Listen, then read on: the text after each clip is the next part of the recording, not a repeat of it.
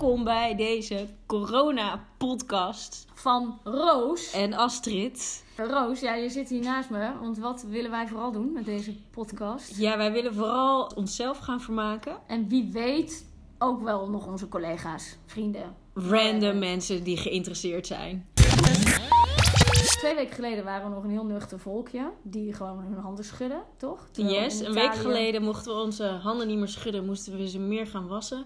Ja. En sinds gisteren eigenlijk zijn alle horecagelegenheden Sportclubs, alle sporten zijn eh, afgelast. en de scholen zijn natuurlijk dicht. En is het menens. En wij dachten, dit is een historisch moment. Een crisis van ongekende omvang met maatregelen die niet horen bij een land in vredestijden. Dat dit ook niet over een paar weken eh, weer weg is, dat het lang gaat duren en dat iedereen daarmee te maken krijgt. En wij dachten, nou laten we dit eens gaan vastleggen. Hoe voelt het? Wat zijn de gevolgen voor ons, voor de maatschappij? Dus willen wij een beetje mensen gaan eh, updaten, vermaken.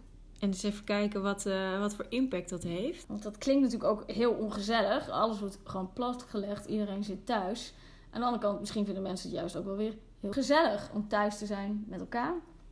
Ja, een tijd van bezinning Dat gaan we een beetje onderzoeken ook. Yes, eigenlijk. Meer ja. liefde wordt of meer oorlog in de, in de huizen en in, de, en in het land. Vandaag is de eerste thuiswerkdag. Hoe, wat viel je op? Nou, ik heb voor het eerst een conference call gedaan in mijn leven. Dat- Met wie dan? Met eh, mijn uh, aardrijkskunde-collega's. En dan moet je dus eigenlijk ook wel afspraken Nice. voor hebben, anders gaat iedereen door elkaar tetteren. Ja. En dat is dus heel raar over de telefoon. In het echt kan je dat nog een beetje eh, aan. Ja, dus het is toch anders. Dus daar heb je ook eh, etiketten voor. Wat is de etiketten dan? Of je moet iemand hebben die het gesprek leidt en die dus de beurt geeft aan mensen. Ja. Of je moet een vaste volgorde hebben van spreken en reageren. Wat hadden jullie dan? Wij hadden, dat hadden we wel afgesproken, maar daar, daar hebben we ons niet aan gehouden. Dus dat is toch nog een kip ook. Ben je een kippel? Ja, dat heeft natuurlijk eh, heel veel mensen hebben dat voor het eerst. Dus een en al Ik denk dat- amateurisme. De hele wereld aan het conference callen was. Wat dus grappig was, ik kreeg een, eh, de thuiswerk videocall bingo doorgestuurd. Ehm, met allemaal uitspraken die je dus nu 30 keer per dag hoort. Oh ja. Dus bijvoorbeeld, Hallo? horen jullie mij? Ik Oh. moet echt weg om... The number you have dialed, Oh, je viel weg. please note the new number is Kan je een slide terug? Sorry, ga jij maar eerst. Ik hoor mezelf in de echo. Eh, hallo? Hallo? Eh, wat viel me op vandaag? Nou, Je moest toch, ik eh, eh, moest even naar de apotheek en ik moest wat invullen daar. En dat kon alleen als je een eigen pen bij je had. Omdat je dus niet de pen van Nee, de medewerker dat, mocht dat zijn je gebruiken. handen. Ja. En, eh, oh, Dus ik kon niet En invullen. je had, je, je had geen pen bij je. Nee, natuurlijk niet. Dus, Oh, eh, shit. eh, nou ja, dat, dat vond ik... ik dacht, oh ja, dat, dat kan ook niet nu. Nou, weet je, ik heb ook een beetje een probleempje. Nou. Namelijk dat ik heb nog maar één wc-rol. ja. En eh, ik ben al het hele weekend, elke dag, ben een kijkje aan het nemen in de supermarkt. Ja. En mijn huisgenoot ook. Maar er zijn gewoon geen wc-rollen. Dus Ja. ik denk dat we nog een, paar dagen vooruit kunnen. Ja. Wat, wat is het meest eh, gekke waarmee jij ooit je reet hebt afgeveegd? Toen ik Nou. in India studeerde, wel met water natuurlijk. Ja, ja, inderdaad, met water. Nou, ik ben natuurlijk vorig jaar zat ik in Afrika, een half jaar. Ik denk in het ergste geval, eh, ja, blaadjes. Ja. Dat is denk ik toch, maar het is niet heel gek. Dus een tip voor iedereen die door die hamsteraars, die dus nu 80 rollen wc-papier thuis hebben staan. En waardoor jij je, aan je laatste wc-rol bent begonnen. We hebben een tip. Ga, ga naar het bos en ga blaadjes plukken. Ja. Nee, wat ik wel grappig vond, van je, je IQ is 150 min het aantal wc-rollen dat je hebt. Dus eh, jij komt daar heel goed uit. hè? Yes. Ik heb 149. Ja, ik heb, eh, ik, ga, ik heb zo meteen geen wc-papier meer. Dus Ja, dat gaat, je gaat IQ alleen maar gaat alleen maar omhoog. Ja, Je reet wordt viezer, maar je IQ gaat omhoog. Oh man. Die wc-rollen die zijn dus overal weg. Maar ik snap dat gewoon niet zo goed. Want ik zou niet per se eerst wc-rollen gaan, gaan halen, maar gewoon eerst eten. Ja, inderdaad. Want Dus- ja, je moet wel eh, eerst eten voordat je gaat poepen natuurlijk. Ja, iedereen denkt uh, aan zijn kont en uh, niet aan zijn mond. Weet je, wie, weet je wie we daarvoor even kunnen bellen? Nou. Annemarie, de filosofiedocent.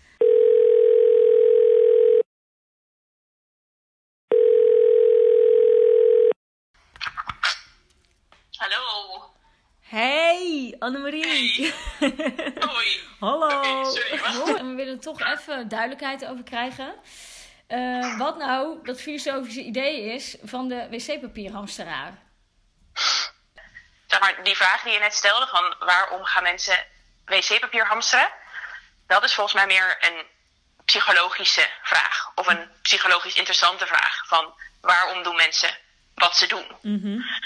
Maar ik denk dat het filosofisch is het interessanter om te kijken naar de vraag of ze dat zouden moeten doen of of ze dat zouden mogen doen.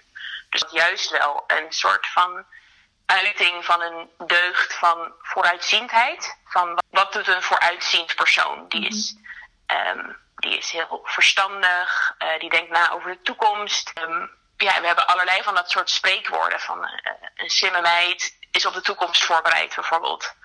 Of ehm, een appeltje voor de dorst bewaren. Of eh, wie spaart, die heeft wat. Maar ja, dan, dan, dan is natuurlijk weer de vraag van oké, oké, die spaart, die heeft wat, maar hoeveel moet je dan sparen? Ehm, iemand die goed nadenkt en die niet onbesuisd is, die niet roekeloos is of laks of onwetend. eh, dat vinden we juist dus goed als je daarover nadenkt. En ik denk eigenlijk dat je kan zeggen van ehm, dat hamsteren is als het ware een beetje de de doorgeslagen versie van voorzienigheid. Het is als het ware een beetje voorzienigheid on steroids. In de lijn van Aristoteles, die zegt van wat een deugd is, is het midden tussen twee kwaden. Dus je zou kunnen zeggen als vooruitziendheid het midden is, dan is hamsteren een teveel aan vooruitziendheid. Hey, Annemarie, bedankt hè. Nee, ik ben, nu, ik ben nu echt bang om van iets twee dingen te nemen. Omdat je dan eigenlijk al een soort van hamstergekkie bent. Dit was de eerste helft van week 1 in coronatijd. Van 16 tot eh, 19 maart.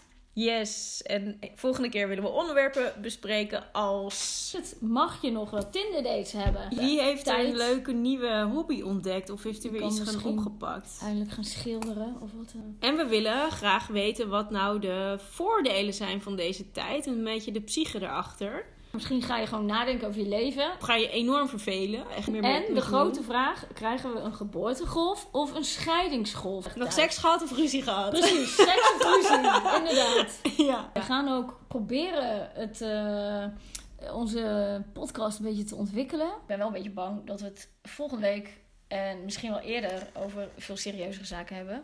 Ja. Denk je niet? Zoals eh, de situatie in ziekenhuizen, de, het aantal IC-bedden. Dan wordt het wel, ja, dan wordt het wel wat minder grappig. Politieke Dus onrust misschien.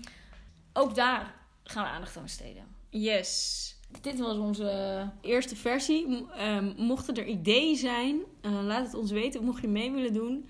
Ben je expert op een gebied van, eh, van wat dan ook? van spelletjes of je kent iemand die een goed verhaal heeft. Of het nou blij is of super verdrietig.